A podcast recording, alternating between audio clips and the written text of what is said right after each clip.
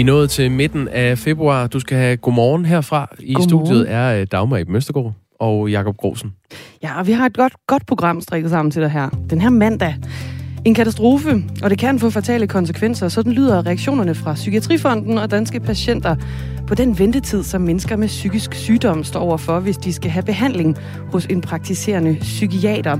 Som du måske også hørte i nyhederne med Henrik Møring, så må de altså vente i gennemsnit 47 uger, altså næsten et år. Det viser en optælling, vi har lavet her på øh, Radio 4. Vicedirektør i Danske Patienter, Annette Vandel, siger sådan her om den sag. Ja, altså, for nogen har det jo øh, konsekvenser for resten af deres liv. Øh, at det simpelthen bliver dårligere livskvalitet, fordi de ikke får realiseret de ting, de, øh, de egentlig gerne ville og kunne. Øh, og og øh, det lægger kæmpe pres ind i familierne. Familierne kan i sidste ende blive, blive øh, opløste. Øh, og for nogen betyder det jo, at øh, de tager deres eget liv, fordi de ikke får den rigtige behandling. Så det kan altså få øh, store konsekvenser, at man skal vente så længe for at kunne komme til en øh, praktiserende psykiater. Det er en af de store historier, vi løfter her i Radio 4 morgen, her til morgen. En anden historie, vi kaster os over, det er, at øh, rigtig mange flyrejsende er kommet afsted på ferie uden bagage her i weekenden.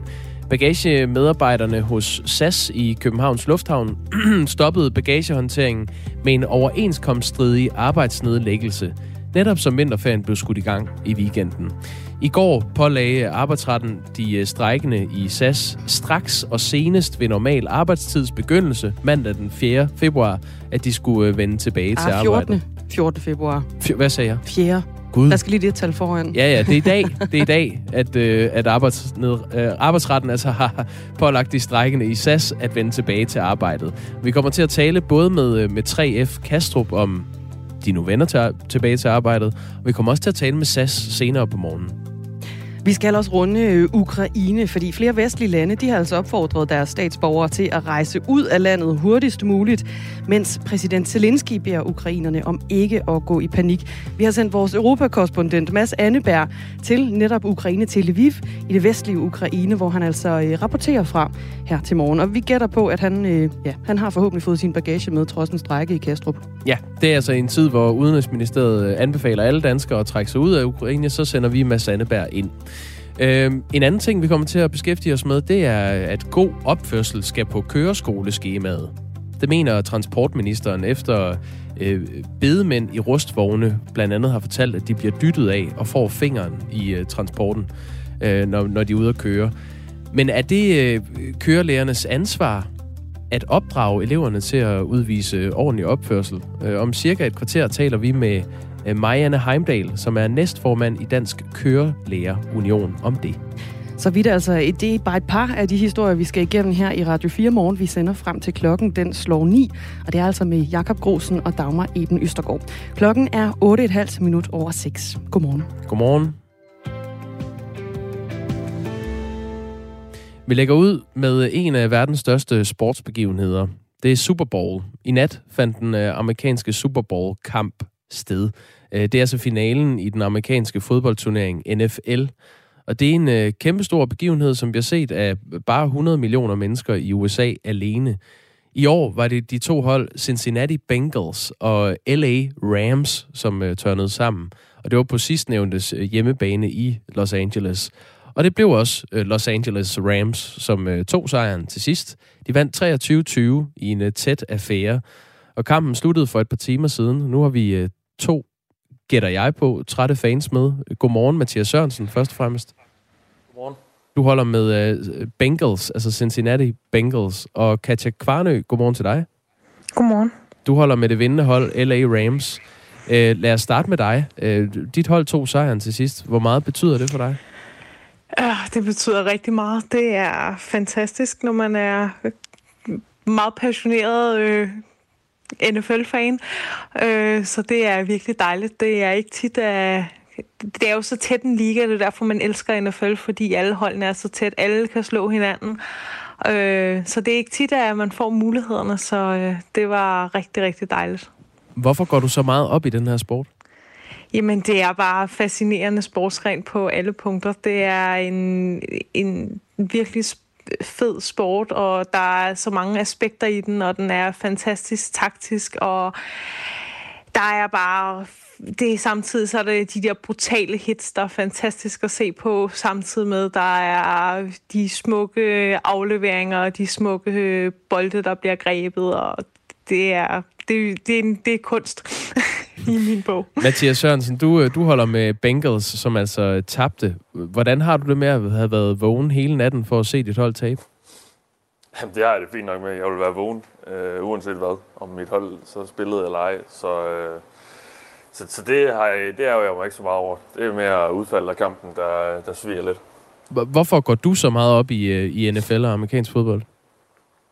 Jamen, jeg tror, det er nogle af de samme ting, som, som Katja nævner. Altså, det er et, et voldsomt spil, og, men som samtidig også kan være smukt øh, på, på sin helt egen måde. Og, øh, og det er sådan en, en uh, sportsgren, som er rigtig nem at fordybe sig i, fordi uh, der er en masse statistikker og ting, som man kan kigge på og nørde med, og uh, ja, en masse ting, man kan fordybe sig i, og det har jeg så gjort for mange år siden, og det har jeg bare hængt ved. Dit hold, altså øh, Cincinnati Bengals, har aldrig øh, vundet noget, og pludselig stod de så i den her finale i, øh, i nat, og nu er de så alligevel tabt. Øhm, havde du forventet andet Ja, jeg ved ikke, om jeg havde forventet, at, at, at de ville tabe. Jeg havde da troet, at de kunne vinde, øh, og det så det også øh, et stykke tid ud til, at de var på vej til i den her kamp. Øhm, de har været tæt på nogle gange nu i, i holdets levetid, øhm, så, så før eller siden må det jo ske, og det er jo så det, jeg går og venter på. Hvorfor begynder man at holde med et hold, der, der aldrig har vundet noget? ja, det er et godt spørgsmål. Da jeg begyndte at se amerikansk fodbold, så, så fangede de min opmærksomhed, tror jeg, med deres deres hjelme, hvor der er sådan nogle tierstriber henover, og nogle farverige spillere, som, øh, som jeg synes var seje. Um, det er sådan lidt tilfældigheder tit for os danske NFL-fans i hvert fald, så, så det endte med at blive dem, og uh, ja, det, det har da også været hårdt, men øh, så lever man jo for de her øjeblikke, når de, når de opstår. Katja Kvarnø, øh, dit hold vandt altså øh, LA øh, Rams. Øhm, det er jo en meget tæt kamp, den her, at den ender 23-20. For en amerikansk fodboldkamp er det, er det et ret tæt resultat. Øh, hvordan oplevede du kampen? Jamen, det var, en, øh, det var en meget, meget spændende kamp. Det var ude på stolkanten, eller det vil sige, jeg sad faktisk lægt ned det sidste fire kvarter, så, men, øh, men, så det var meget, meget tæt øh, kamp, og øh, ja, blev afgjort til aller, aller sidst. Øh, og da Rams de trak det længste sådan, strå, de fik øh, lagt en touchdown, og så øh, tog defense over til allersidst, og så vandt vi kampen. Så øh, ja, jeg tror ikke jeg har sådan en stor dybdegående analyse af kampen. Nej, ved du, det skal være der. Undskyld, der er ingen af jer, der har sovet. Øhm, Super Bowl-kampen her blev spillet på det, der hedder Sophie Stadium i, øh, i Los Angeles, og var nummer 56 af, af slagsen. Øh, arrangementet er jo udover øh, det sportslige også kendt for underholdningsshowet i pausen, øh, hvor det altid er nogle store verdensstjerner, som skal levere øh, musikken. Og i år var det øh, en hip-hop udgave af det. Det var Mary J. Blige, øh, Eminem, Dr. Dre, Snoop Dogg, 50 Cent og Kendrick Lamar, der stod på scenen i, øh, i pausen. Øh, det er nogle store kanoner i, i den verden. Og det her det er jo et show, som er til har leveret store overskrifter. Øh, der var, hvis man øh, hopper øh, 18 år tilbage i tiden, i 2004, hvor Janet Jackson og Justin Timberlake spillede for eksempel. Der blev Jacksons øh, bryst blottet undervejs. Det skabte både stor kritik, men også overskrifter i, i hele verden. Lad os lige prøve at høre noget af det, der, der foregik i nat. Snoop Dogg!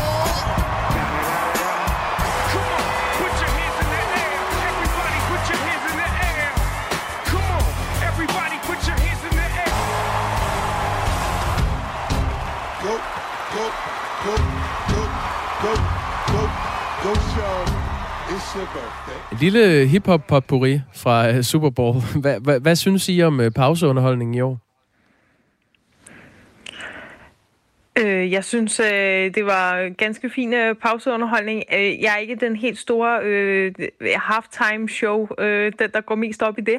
Men øh, jeg vil sige sådan her, jeg synes, det var et rigtig, rigtig godt øh, halftime show. Også mest fordi, at ved at det var alle de her hiphop kunstnere, og ved at det var i LA, man fik virkelig hyldet øh, den, den sorte del af, af LA også. Øh, så uden der skal gå for meget politik i det, ikke? Men, men da man byggede SoFi Stadion, altså rundt om og hele det område, er der rigtig mange øh, sorte, der bor ikke så langt derfra, og som man sådan har prøvet at gemme lidt væk øh, her op til Superbowlen, fordi det jo ikke ser så pænt ud, og alle de hjemløse, så jeg synes faktisk, det var rigtig fint, at man også fik hyldet den del øh, af det.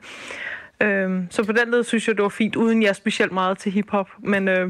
det, det siger jo ikke specielt meget, at Thomas Treve ikke var begejstret hos Ekstrabladet, men det var han ikke, øh, kunne jeg læse. Han gav, han gav to stjerner til, til den del af underholdningen. Hvordan oplevede du det, Mathias Sørensen? Jamen, jeg synes også, det var, det var ret fedt. Øh, et, et oplagt valg at tage dem, så øh, det var... Det, det, det, det spillede meget godt, og, men, men det, det, det var lidt svært at, at koncentrere sig sådan rigtig meget om det, når, når ens eget hold deltog i kampen. Øh, så jeg sad bare og ventede på, at anden halvleg skulle i gang. Det var altså en kamp, som øh, LA Rams uh, trak det længste strå i. De vandt 23-20 mod Cincinnati Bengals. Og Bengals-fan Mathias Sørensen, Katja Kvarnø er Rams-fan. I skal have tak begge to for at blive oppe. Nu må I godt gå i seng. Ja, tak. Jo, tak. Det vil jeg så gøre. uh, det var Super Bowl.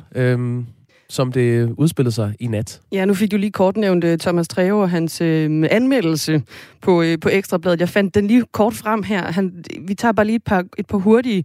Øh, da Eminem, Snoop Dogg, Dr. Dre, Mary J. Blige og Kendrick Lamar øh, natten mellem søndag og mandag dansk tid serverede en omgang slatten underholdning uden nævneværdig værdi, skriver han blandt andet. 50 Cent dukkede op som en overraskelse, men det var knap så overraskende, at han ikke var 50 øre værd. Så kender man også Tom, Thomas Treve. Klokken er blevet øh, 17 minutter over 6, og det er her i Danmark. Usikkerhed og bekymring omkring færden i nattelivet har jo de seneste øh, fyldt ganske meget i samtalerne rundt omkring i Danmark, og også på de sociale medier. Det er følelser, der især er blevet forstærket oven på, øh, på sagerne om øh, Mia Skadehauke Stævn og øh, 21-årige Oliver, som altså begge to forsvandt sidste weekend i, øh, i Aalborg. Mm. Nu er 21-årige, 22-årige Mia Skadehauke Stævn jo som bekendt øh, erklæret død. Man har fundet lige del i en skov i, i Nordjylland. Og 21-årige Oliver, ham forventer man altså, at han er, han er druknet i Limfjorden. Og nu er der en aktør i Jomfru Anegade, som gerne vil være med til at afhjælpe den her frygt, som dele af de besøgende i den her diskoteksgade i hvert fald har. Og hjælpen kommer fra det hotel, der hedder Hotel Jomfru Ane, som øh, på både dansk og på engelsk har ragt en hånd ud på sociale medier, primært til de unge, det er altså sket via Facebook. De skriver, vi vil gerne opfordre til, at alle, som har udfordringer eller som har brug for hjælp til at komme hjem, kommer ind på vores hotel. Det skriver øh, manageren på det her hotel om, øh, om opslaget og, øh, og uddyber. Det kan eksempelvis være folk, hvis telefonen er løbet tør for strøm. Vi kan tilbyde dem at lade telefonen op, eller vi kan hjælpe dem med at ringe til deres forældre eller efter en taxa. Hotelmanageren fortæller, at det her tilbud, det, er sådan set, det har altid været der i bund og grund, men nu føler de altså et behov fra hotellets side her til ligesom at melde det ud og sige, hey, I er faktisk velkomne til at komme herind, hvis vi føler jer utrygge eller ikke kan komme hjem, eller telefonen den er løbet tør for, øh, for, for strøm.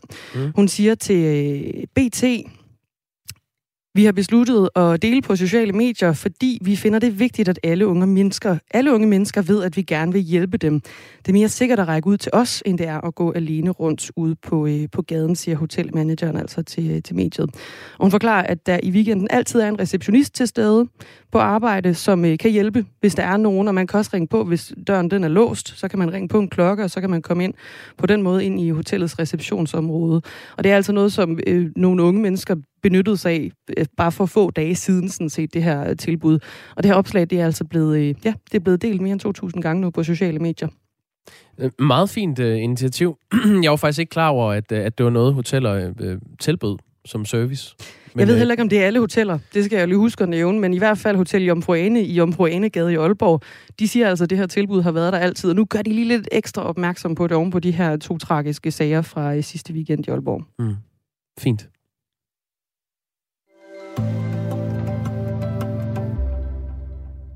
Der skal mere fokus på pli og god opførsel i trafikken hos de danske køreskoler.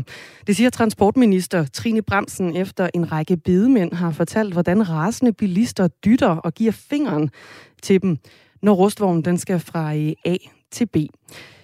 Ofte så kører en rustvogn eller et, et ligetog med noget lavere fart end det tillærte, og det er altså det, der får nogle bilister til at miste tålmodigheden i trafikken.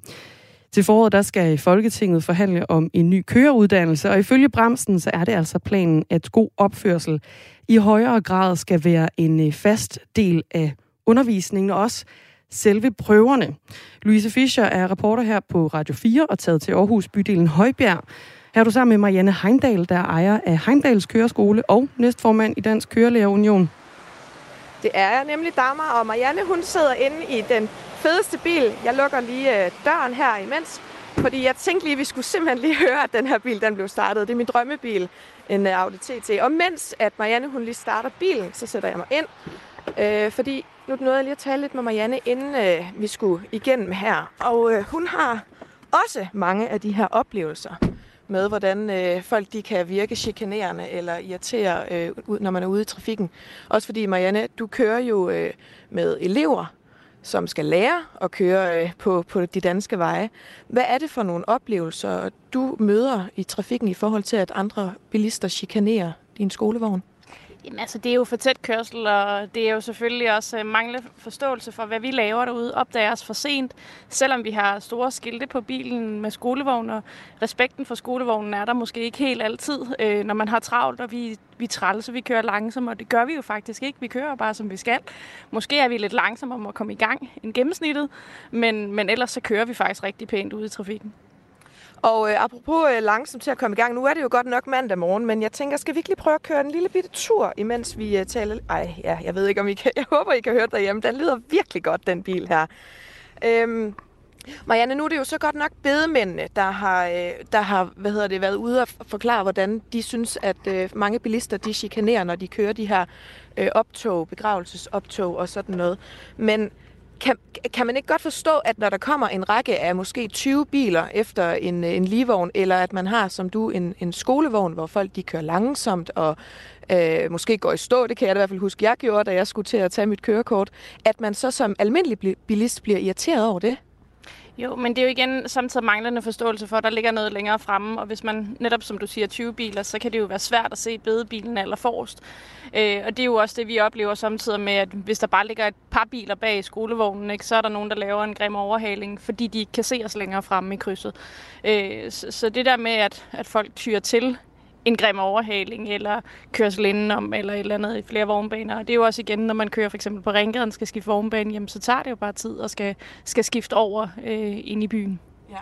Skal vi prøve at køre lidt? Vi har lige øh, lidt tid tilbage, inden der er nyheder.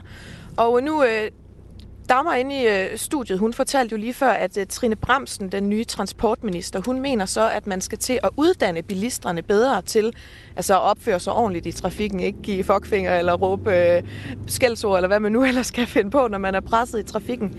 Hvad mener du om, at, øh, at I som øh, kørelærer skal til at opdrage bilisterne mere?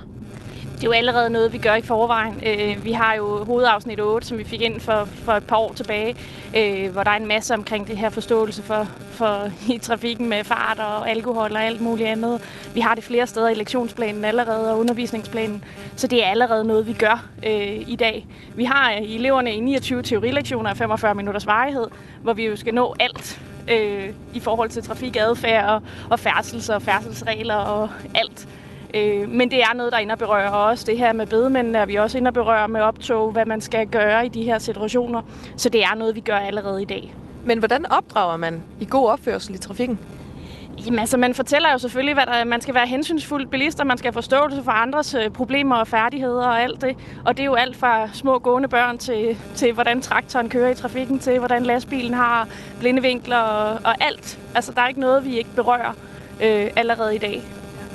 Og når man så hører bedemændene, ja, du kender det også fra dit eget erhverv som kørelærer, at der er mange, der øh, opfører sig uanstændigt eller, eller ligefrem øh, chikanerende i trafikken. Har I så gjort jeres job godt nok i forhold til at uddanne øh, folk til at, til at opføre sig pænt i trafikken? Jamen, det er jo nemt altid at skylde skylden tilbage på, på kørelærerne, ikke? Men, men altså, det er jo igen så kort tid, man har et minde. Man fortæller dem selvfølgelig, hvad rigtigt og forkert er. Øh, men, men opdragelsen skal jo stadigvæk ligge i den fornuftige opdragelse, skal jo nok ligge hjemme ved forældrene langt hen ad vejen i, hvordan man opfører sig, når man møder andre mennesker derude i, i, i den danske verden, ikke? Altså, så, så, så det der med forståelse og, og, og alt sådan noget samfundssind, og hvad vi ellers kan sige nu her, vi er jo blevet så gode til det nu her, det, det sidste års tid, ikke? Men, men man skal jo have respekten for hinanden, og det er i hvert fald noget, vi snakker om på køreskolerne. Og så her til foråret, der skal Folketinget til at øh, øh forhandle om en ny øh, køreuddannelsespakke. Øh, hvad, hvad, hvad ser du gerne, at øh, de så sætter fokus på, når den skal på plads? Jamen altså, jeg, øh, jeg ser rigtig meget frem til, at vi, skal, vi trænger til en rigtig stor revidering i, i, i selve køreuddannelsen. Øh, jeg især på teoriprøvesiden. Øh, der, der er klart noget, der skal forbedres. Selve det undervisningsmateriale, som vi har i dag, jamen det, det, det trænger jo selvfølgelig til en fornyelse, især billederne fra teoriprøverne, men selve det, vi fortæller viden om, hvad vi fortæller tilbage for undervisningsplanen, det er sådan set egentlig fint nok bare opbygningen af, hvordan modulerne hænger sammen, trænger virkelig til en revurdering af det. Kan, kan opbygningen af modulerne være med til at få, øh, få folk til at komme, jeg ved ikke om man kan sige komme i bedre humør, men i hvert fald opføre sig pænt, når man kører bil?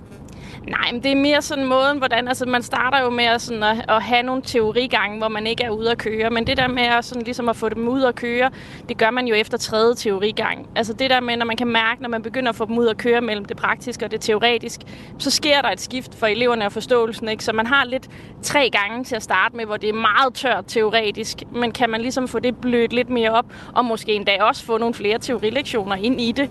Øh, men så det ligesom var mere et for længere forløb på den måde, så det er brudt op i nogle moduler, så det ikke er så, så, så firkantet, som det er i dag, men stadigvæk den samme viden, som vi har i, i dag, og gerne mere til.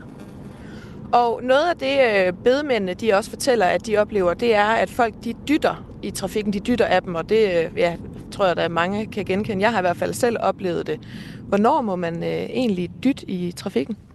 Det må man jo, når der er ting, der er til fare. Altså når der er noget, der er farligt, og ellers så skal man ikke bruge hornet i trafikken.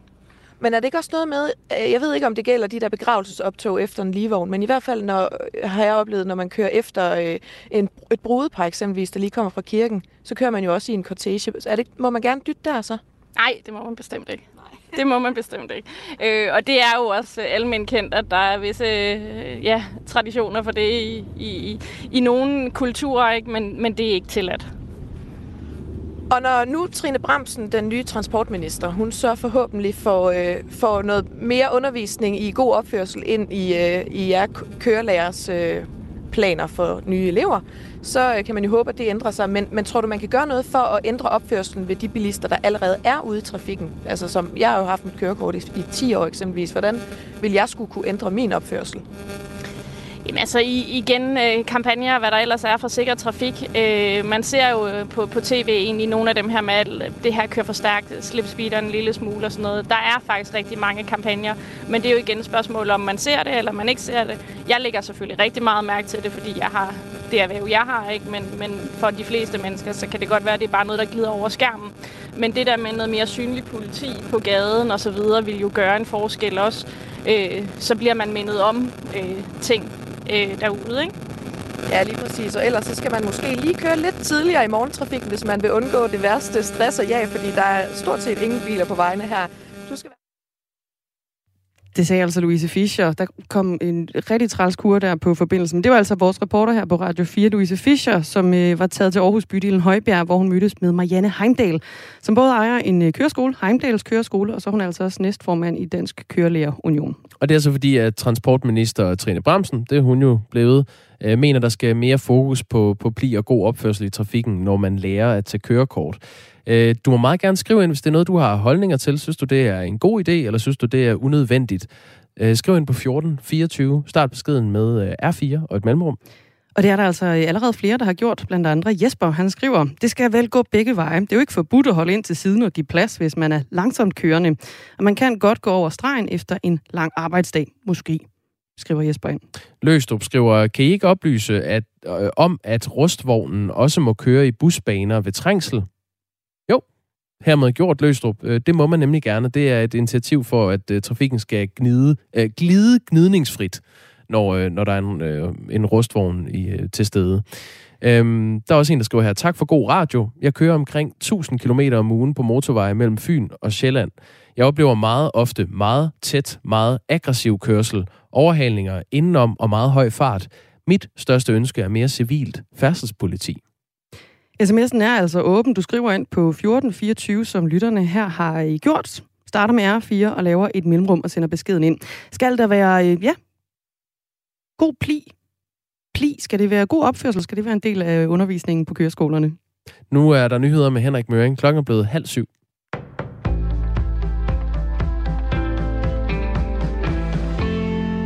Borgere med depression eller angst må i gennemsnit vente 47 uger på behandling hos en psykiater. I 2017 var ventetiden kun det halve, 23 uger. Det viser en optælling, Radio 4 har lavet af den ventetid, som de praktiserende psykiatere oplyser på sundhed.dk. Når mennesker med en psykisk sygdom skal vente næsten et år på at komme til psykiater, bliver det et spørgsmål om liv eller død, siger Danske Patienters vicedirektør Annette Vandel. Altså for nogen har det jo øh, konsekvenser for resten af deres liv. Øh, at det simpelthen bliver dårligere livskvalitet, fordi de ikke får realiseret de ting, de, øh, de egentlig gerne ville og kunne. Øh, og og øh, det lægger kæmpe pres ind i familierne. Familierne kan i sidste ende selv de blive øh, opløste. Øh, og for nogen betyder det jo, at øh, de tager deres eget liv, fordi de ikke får den rigtige behandling. Også Psykiatrifonden er bekymret for de lange ventetider, siger formanden Torsten Bjørn Jacobsen. Hvis man er et menneske, som øh, har brug for at komme til en psykiater, så er et år jo en fuldstændig urimelig øh, lang ventetid. Så det er en katastrofe for de mennesker, der har brug for den type hjælp. I et skriftligt svar til Radio 4 oplyser Sundhedsministeriet, at regeringen og regionerne har indgået en aftale om at øge antallet af uddannelsesforløb på uddannelsen til psykiater. Der er meget mere om historien i Radio 4 morgen. Region Midtjylland har købt hurtigtest for knap 1 milliard kroner af et firma, der opererer uden for markedets regler, det skriver politikken. Regionen har købt godt 65 millioner hurtigtest for 1,4 milliarder kroner i slutningen af sidste år. To tredjedele blev købt for ca. 825 millioner hos det britiske firma Medical Supplies Direct. Firmaet har ingen hjemmeside, intet telefonnummer eller kontaktoplysninger. Det er heller ikke registreret som leverandør eller distributør af medicinsk udstyr i Danmark eller EU. Det oplyser Lægemiddelstyrelsen til avisen. Regionen har ingen kommentar til historien, skriver politikken. Ukraine har opfordret til et møde i OSCE med Rusland som følge af de voksende spændinger ved den ukrainske grænse. Rusland har ignoreret formelle anmodninger om at forklare oprustningen af soldater på grænsen, siger Ukraines udenrigsminister. Det skriver BBC. Rusland har afvist alle planer om at invadere Ukraine, til trods for at landet har samlet over 100.000 soldater ved grænsen til nabolandet. Flere vestlige lande er dog overbeviste om, at Rusland forbereder en militær aktion. Ifølge USA vil russerne indlede aktionen med et luftangreb, hvilket kan ske når som helst. Fem FN-medarbejdere er blevet bortført i den sydlige del af det krigshavede land Yemen, det oplyser verdensorganisationen ifølge AFP. De fem blev bortført, mens de var på vej tilbage til havnebyen Aden efter en feltmission. FN er i tæt kontakt med myndighederne for at sikre, at de bliver løsladt, oplyser organisationen. Det står ikke klart, hvem der står bag bortførelsen. En 52-årig mand er død, og syv andre er blevet syge. Flere af dem er alvorligt efter et besøg på en restaurant i den sydtyske by Weiden. Det oplyser tysk politi, der arbejder ud fra en formodning om, at offrene er blevet forgiftet. De i alt otte personer havde delt en flaske på restauranten. Kort efter udviste de alle symptomer på at være blevet forgiftet. Bayerischer Rundfunk fortæller, at politiet arbejder ud fra en formodning om uaksomt manddrab. Og kig på vejret. Mest skyde og til tider regn 6-9 grader og jævn til frisk vind omkring sydvest. I aften og i nat mest skyde med regn eller byer.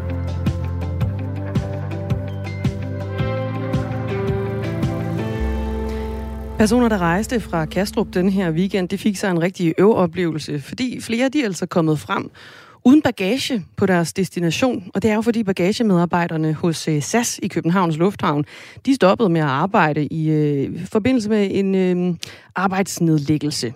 Det kom jo dejligt belejligt lige da vinterferien startede. Ja, og det er jo selvfølgelig ikke tilfældigt. Øh, det er overenskomststridigt at gøre det på den måde, altså nedlægge arbejdet på, øh, på første dag af, af vinterferien. Øh, og det har berørt rigtig mange mennesker, som øh, skulle ud og rejse. Og det er selvfølgelig for at sætte fokus på dårlige arbejdsforhold. Øh, det er i hvert fald det, man oplever fra 3F Kastrups side, som repræsenterer mange af de her bagagemedarbejdere hos øh, SAS i Københavns Lufthavn. Hvis du har en øh, holdning til det, altså om hvorvidt det er ok at sætte fokus på dårlige arbejdsforhold på den måde, eller om de skulle stikke pipen ind og passe arbejdet. Skriv ind på 1424 øh, og start beskeden med R4.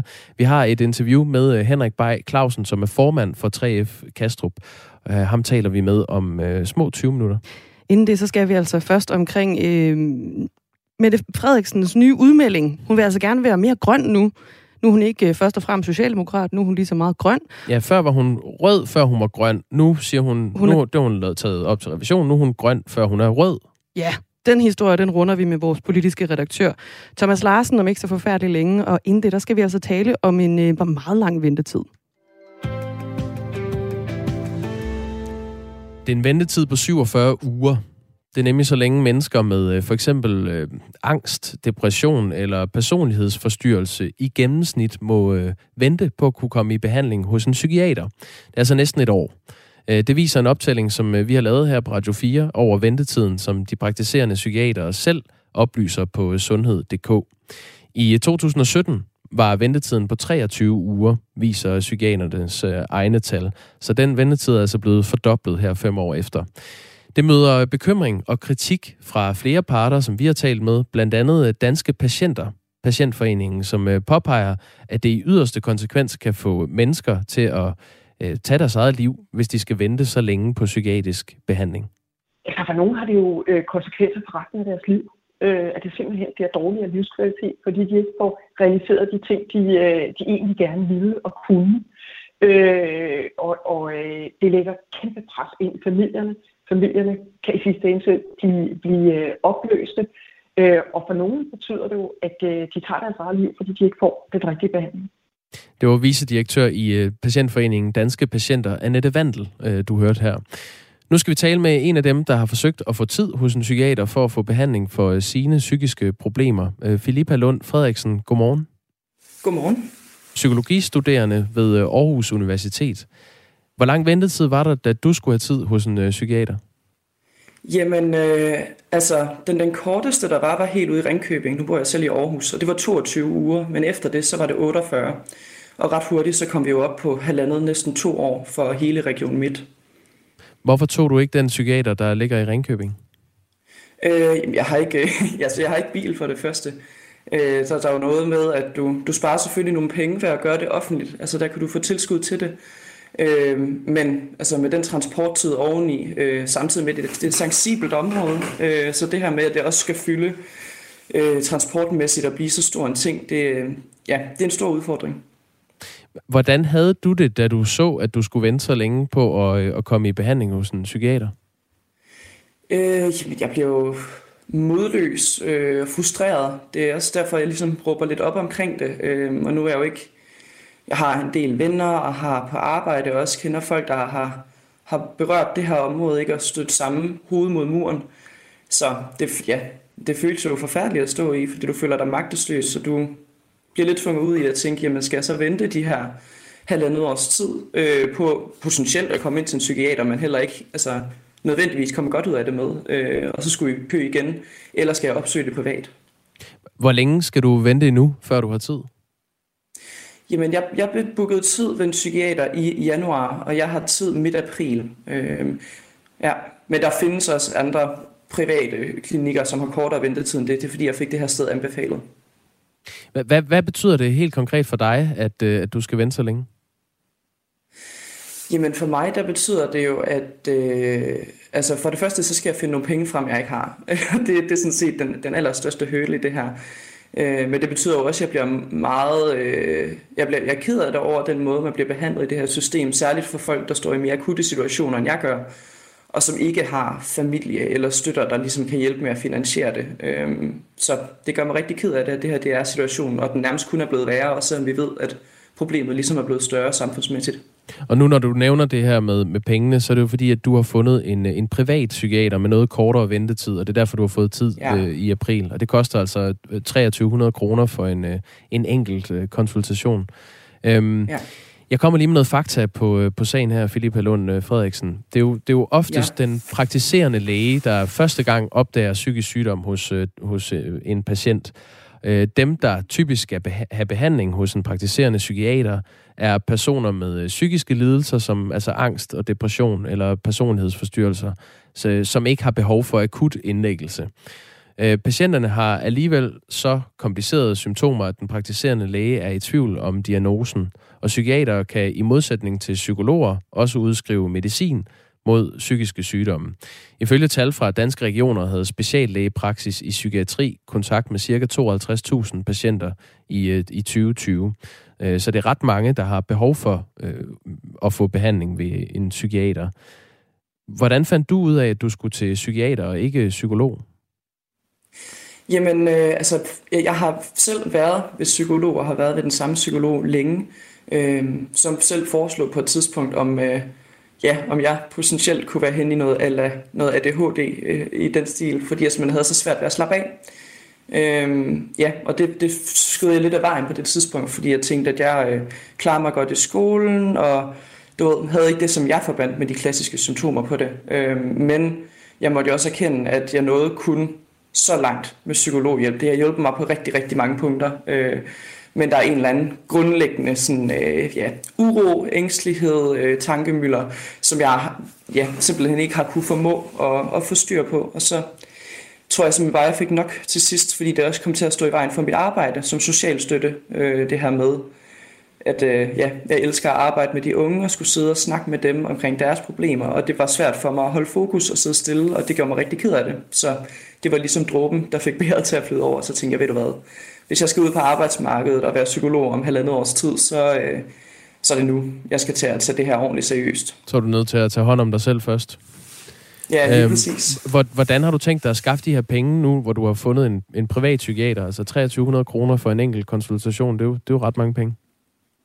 Ja, jamen, øh, det er jo et godt spørgsmål. Øhm, jeg synes, jeg, jeg prøver lidt forskellige tilgange. Det har desværre lige i mit tilfælde er det også lige blevet matchet med, at jeg lige er startet i praktik, øh, så jeg er gået ned i timer på mit arbejde, desværre. Så, øh, men øh, altså, jeg forsøger at skrabe de penge sammen, jeg kan indtil da. Øh, og så er jeg så heldig at have nogle forældre, der har tilbudt at låne mig penge til det, hvis det er. Jeg har også mulighed for at tage SU-lån, så jeg ved jo, at jeg på den ene eller den anden måde nok skal få skrabet det sammen, men øh, altså, det gør mig selvfølgelig ked af det at skulle nok ret sandsynligt gældsætte mig for at få den her behandling. Hvor mange øh, konsultationer regner du med, at du skal have? Jamen, jeg har prøvet at læse lidt op på det, og det, er, det, det vækster meget. Det kommer an på, hvor hvad kan man sige, entydigt dine svar er, og hvilken form for behandling du skal i. Men øh, altså, jeg tænker da som minimum en fem stykker eller sådan noget. Ikke? Og det er, jo, det er jo så uden opfølgning af eventuel medicin eller anden behandling. Det er simpelthen som, altså, men udredningsforløb kan jo godt tage ja, en 5-6 omgange, hvis ikke mere. Nu kan man sige, det er jo ikke fordi, man ikke kan komme til en psykiater, øh, hvis man nu skal være djævelens advokat. Altså, det, man skal vente næsten et mm. år, men, men der er jo tider, øh, og det er måske øh, i nogle regioner er det, er det værre end andre. Øh, hvad mm. er det sådan helt konkret for, nogle, øh, for en konsekvens, det har for dig, hvis du skulle have ventet et år på at få behandling? Jamen altså, for mig der betyder det jo, at jeg har skulle, så skal jeg starte op på arbejdsmarkedet inden for et, et erhverv, hvor jeg ligesom skal sidde meget stille og skal have meget fokus, ikke? samtidig med at jeg skal køre i det her udredningsforløb. Øhm, så det vil i hvert fald gøre det meget usikkert for mig, hvordan jeg vil klare det i min første stilling i den funktion. Ikke? Øhm, og for rigtig, rigtig mange andre, der har nogle andre problemer end dem jeg har, der er det jo altså, direkte farligt. Ikke? Øhm, fordi ens symptomer kan nå at blive så slemme. Og jeg skal heller ikke lyve, det er ikke fordi, jeg synes, det er det, det, det fedeste at være i. Der er også en grund til, at man søger hjælp, ikke? så jeg er jo også, ja, jeg er også lidt bange for, om jeg kommer ned i de her huller igen, hvor det simpelthen bliver for meget ikke at kunne få ro på. Der er jo nok en del af de øh, patienter, der, der lige nu venter på at kunne komme til en psykiater, som ikke har ressourcerne til at kunne betale for en, en privat psykiater. Altså 2300 kroner nævner jeg lige mm-hmm. igen for en, for en konsultation der.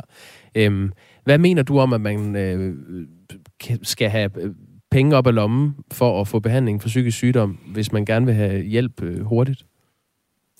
Jamen, jeg synes, det er, jeg synes, det er fuldstændig forrygt, at det hænger sammen på den måde. Det vidner om, at der er et offentligt system, hvor rammerne simpelthen ikke fungerer. Øhm, og det, det skaber jo et form for klasseskæld, ikke? hvor de rige har råd og ret til at komme til først, og ja, så er det bare ærgerligt, hvis ikke du har råd til det. Og det synes jeg jo, øh, det er skamfuldt, og det er noget, som jeg synes, det er vildt, at det sker i Danmark. Øh, det synes jeg godt nok, øh, og det skal tages seriøst nu. Så jeg håber, at psykiatriløftet, det ikke bare er, ja, det ikke bare er tomme løfter.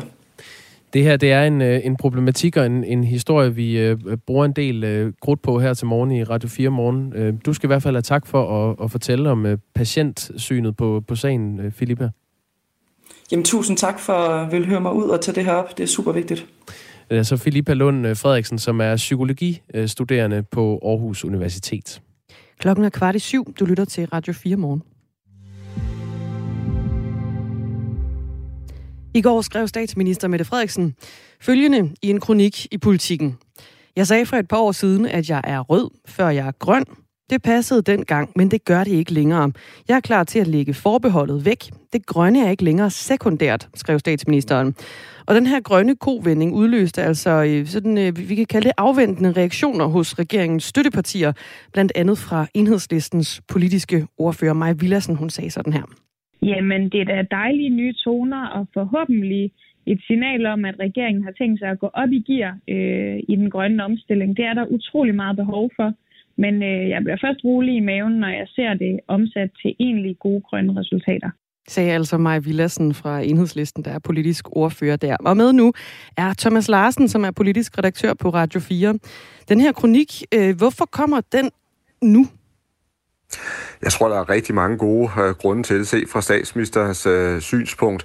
Altså, man kan sige, at hele coronakrisen kan vi jo heldigvis se i bagspejlet nu, og det betyder, at der er gang i et stort skifte på Christiansborg, øh, hvor en lang række dagsordner nærmest altså, står i kø for at blive skudt af her i løbet af foråret. Og der er ingen tvivl om, at netop den grønne dagsorden kommer til at fylde kolossalt meget. Der skal gang i nogle meget vigtige forhandlinger øh, nu her, der handler om at få indført en øh, grøn øh, skat, bare for at nævne et øh, eksempel. Øh, og, og det tror jeg hænger sammen med, med, med det. Øh, men så er det også klart, at øh, Mette Frederiksen vil gerne, skal man sige, fremstå mere grønt. Og øh, der tror jeg også noget af det øh, handler om, at øh, hun ved, at hun er kommet øh, ud af synk, ud af samklang med mange vælgere, ikke mindst i byerne, som øh, er grønne, og for hvem hele den grønne omstilling betyder øh, kolossalt øh, meget. Så øh, det tror jeg også er en af forklaringerne. Og så er der selvfølgelig den forklaring, som hun selv virkelig fremhæver i sin kronik, og det er, at hun simpelthen er blevet klogere, fordi nogle af de ting, som hun troede var forbundet med hele den grønne omstilling, altså det, at det vil gøre ondt nogle steder, at det kunne blive dyrere for nogle befolkningsgrupper, at det kunne skade nogle virksomheder. Altså de farer og de risici ser hun slet ikke i samme grad. Den frygt for polarisering og splittelse i samfundet øh, er hun ikke længere så bekymret for. Det er den begrundelse, som hun selv giver i kronikken. Men er hun blevet, øh, kan man sige, grøn nu, før hun er, blevet, øh, før hun er rød? Altså har hun 100% skiftet og flippet øh, farven, kan man sige, i toppen? Det er jo et fantastisk godt øh, spørgsmål, og der kan vi jo også høre på øh, de grønne øh, støttepartier omkring hende, altså enhedslisten og i virkeligheden også de, de radikale og SF. De vil gerne lige se lidt mere af det, før de for alvor tror det, og derfor så har modtagelsen hos dem jo også sådan været altså imødekommende, men samtidig også skeptisk, fordi de mener, at statsministeren skal ud og bevise, at hun nu er mere grøn, end hun er rød. Så de sidder lidt afventende tilbage. I oktober 2019, der var øh, Mette Frederiksen gæstetaler til det, der hedder C40 klimatopmødet i København. Og her brugte hun sin tale til at sende et signal til de fremmødte. Hun sagde, jeg var socialdemokrat, før jeg blev grøn, og når jeg vågner om morgenen, er jeg stadig socialdemokrat, før jeg er grøn. Lød det altså fra øh, Mette Frederiksen tilbage i, øh, i 2019. Men det her holdningsskifte, kan hun godt øh, gøre det uden at miste troværdighed nu? Det er der ingen, der ved, og derfor bliver det også rigtig spændende at se, om det lykkes for hende at komme øh, i mål. Man kan sige, at der er nogle politikere, der øh, er i stand til at lave sådan nogle øh, store øh, holdningsskifte, og så faktisk stadigvæk få øh, vælgerne med sig. Og det kræver, at de har nogle gode forklaringer, som øh, vælgerne de øh, tror på, og så kræver det selvfølgelig også, at de har en politisk kapital selv, de kan sætte ind på det. Altså, de har en overbevisningskraft, øh, at de kan øh, i virkeligheden underbygge øh, det skift, de er i, i gang med. Øh, og det er helt tydeligt, at, at det skifte, det vil Mette Frederiksen gennemføre. Hun sætter meget ind på det, og der hører det så også med, at den her kronik er jo ikke bare det første skridt, hun laver. Faktisk har det været meget, meget tydeligt, hvordan hun øh, netop skridt for skridt prøver at komme et nyt sted hen politisk og fremstå mere grøn og gøre det klart over for vælgerne, at hun virkelig vil sætte alt ind på den grønne omstilling. Hun begyndte faktisk altså tilbage øh, sidste øh, sommer, øh, hvor hun begyndte at, at signalere det første gang, og hun, øh, hun gjorde det også på den socialdemokratiske kongres, øh, der indledte øh, folketingsåret. Hun gjorde det i, i åbningstalen, og hun understregede det også igen i nytårstalen. Så det er sådan noget, hun har arbejdet på i længere tid. Men det vi i hvert fald kan konstatere, det var, at øh, tilbage i efteråret, der var der rigtig mange af hendes vælgere, der ikke havde opfanget budskabet, fordi der fik Socialdemokratiet jo en ordentlig øretæve ved kommunalvalget. Og der er mange forskere, der mener, at en af grundene til, at Socialdemokratiet i realiteten tabte valg, det var fordi, der var mange af de her storbyvælgere, grønne storbyvælgere, der søgte hen til andre partier. Den her grønne dagsorden, den mener du ikke er helt, øh, helt ufarlig for, øh, for Mette Frederiksen. Blandt andet fordi støttepartierne, de vil, de vil presse hende. Vil du ikke prøve at uddybe det en smule her, Thomas Larsen? Jo, og det er jo selvfølgelig fordi, at øh, når Mette Frederiksen nu sådan tydeligere siger A i den grønne omstilling, så forventer støttepartierne også, at hun siger B, og det vil sige, følger det her op med en masse konkret lovgivning. Og der vil de jo selvfølgelig presse hende nu, og de vil, de vil se, at, øh, at hun skal være villig til at, at, at, at gå længere. Så på den måde, så vil hun hele tiden være under pres for støttepartierne om at, at, at levere. Og der er spørgsmålet selvfølgelig, kan hun levere nok til, øh, at, at de også bliver tilfredse? Det er det ene. Det andet er så også, at nu er vi kommet til det punkt, kan man sige, en grønne omstilling, hvor nogle af de politiske løsninger, der skal laves, de er ikke længere så nemme. Altså nogle af de mere lavt hængende frugter, de er blevet plukket, og nu er det sådan mere de, de mere svære valg, der, der står tilbage. Og for at give et helt konkret øh, eksempel, øh, så kunne vi jo simpelthen pege på de forhandlinger om den nye grønne skat, øh, klimaafgiften, der skal øh, i gang på Christiansborg. Og der ved vi jo netop, at det er en skat, der skal straffe de virksomheder, der forurener, men det kan jo så også betyde, at der er nogle af de store virksomheder, der kommer under pres, og som kan få øh, øh svære ved at få tingene til at løbe rundt. Og en af de rigtig store virksomheder, der er mange, der har fokus på, jamen det er jo Aalborg Portland, der ligger altså midt i, i Mette Frederiksens øh, gamle by, han er sagt hendes barndomsby, øh, og der bliver det jo netop testet, om man så kan lave den her omstilling, uden det kommer til at koste arbejdspladser og job. Claus har sendt en sms herind med et spørgsmål, jeg lige vil sende videre til dig, Thomas Larsen. Han spørger, vil det sige, at samfundets borgere med laveste indkomster eller mest socialt udsatte skal betale for den grønne omstilling? Det håber Mette Frederiksen naturligvis ikke, men det her, at spørgsmålet kommer, er jo virkelig interessant, fordi det betyder jo netop, at der sidder rigtig mange øh, vælgere derude, og det er ikke kun i tvivl om, som er bange for, om det her det også kommer til at blive dyrere, altså det, at man skal lave den her meget ambitiøse grønne omstilling, på nogle felter kan betyde, at tingene bliver, bliver dyrere for dem. Og derfor vil de også sidde nu altså, og se på, hvordan har Mette Frederiksen tænkt sig at leve op til sine øh, ord, og kan hun netop gøre det, uden at det skaber øh, splittelse og modstand. På den måde, så har hun jo altså også sat sig under et enormt pres. Vi har tidligere talt om, at sådan en grøn udmelding her var en del af, af en, en dagsorden op til et folketingsvalg. Er, er du øh, med på det, på, den, på det hold, kan man sige, at det her det ligger op til et folketingsvalg, når nu Mette Frederiksen melder ud, at hun er altså grøn, før hun er rød? Uha, det er et, øh, et, et grimt spørgsmål det her, fordi det kan vise om få dage, at jeg har taget øh, grusomt øh, fejl. Ikke? Men jeg må altså sige, at jeg hører rent faktisk til dem, der ikke tror, at der er et valg lige om hjørnet. Jeg mener, at regeringen grundlæggende har enormt meget politik, som øh, den gerne vil igennem med, øh, også fordi den er blevet øh, sænket voldsomt på grund af coronakrisen. Øh, så, øh, så det tror jeg altså ikke er, er, er tilfældet rent faktisk. Jeg tror, at øh, hun vil have flere øh, resultater opnået på Christiansborg, før hun trykker på valgknappen. Men når det her så er sagt, så er der ingen tvivl om, at øh, statsministeren og alle de andre politikere, de kan altså godt begynde nu at, at se og ane øh, næste valg i, i horisonten, og de forbereder sig på det. Og det her er selvfølgelig også et eksempel på, at Mette Frederiksen meget gerne vil være mere grøn, inden hun netop udløser næste folketingsvalg. Så det her det er en del af hendes platform, kan man sige. Det er en del af hendes valgmaskine også. Det er der ingen tvivl om. Det sagde Thomas Larsen, politisk redaktør på Radio 4. Tak for det. Selv tak. Klokken er 6 minutter i syv. Skilsmissen på Radio 4. Far kan en mor og en far godt være kærester. Fuck, mand, ikke? Altså... Hvert andet ægteskab i Danmark går i stykker. Og hvem er man bagefter? Vi taler med 10 kendte danskere om ensomhed, splittede venskaber og om at tage børnene med i faldet. Skiftedag, det er noget fanden har skabt. Find Skilsmissen som podcast og søndag kl. 11.05 her på Radio 4. Det var det helvede for mig. Radio 4 taler med Danmark. Kommer der krig i Ukraine? Øh, vi ved det ikke.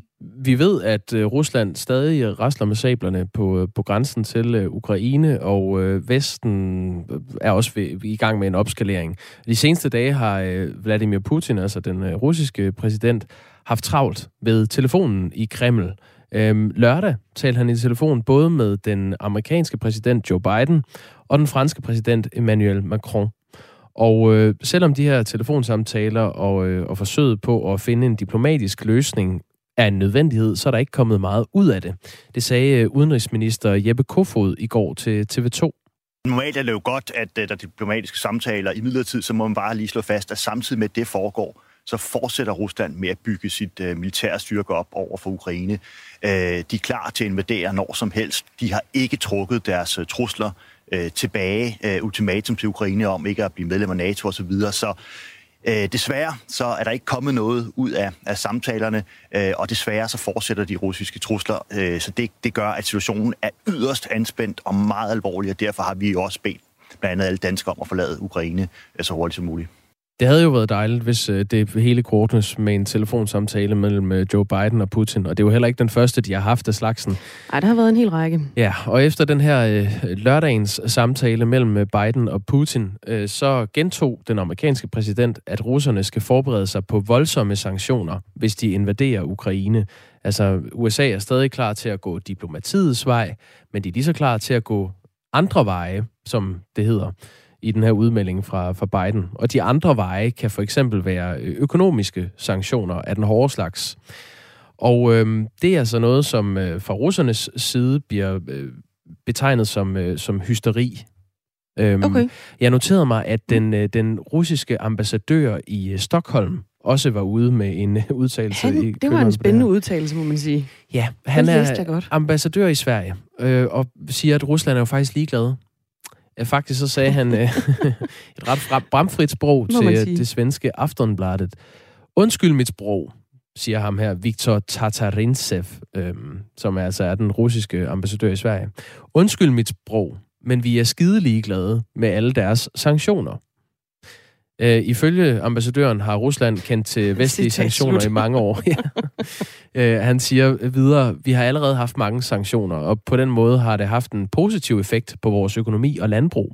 Vi er blevet mere selvforsynende og har været i stand til at øge vores eksport. Vi har ikke italienske eller svejtiske oste, men vi har lært at lave gode russiske oste ved hjælp af italienske og svejtiske opskrifter, siger han. Så vidt er sanktioner altså ikke altid en dårlig ting, i hvert fald ifølge den øh, russiske ambassadør i Sverige. Nej, det er jo øh, ligesom vi her i, i Danmark har øh, salattern, som er en form for feta. Vi må oh, ikke ja. kalde det feta. Så har de altså i Rusland øh, lavet deres egne italienske oste. Øh, så det skulle ikke være et problem ifølge den her øh, russiske ambassadør. Øh, Rusland har i øvrigt over 100.000 soldater lige nu opmarcheret ved øh, Ukraine.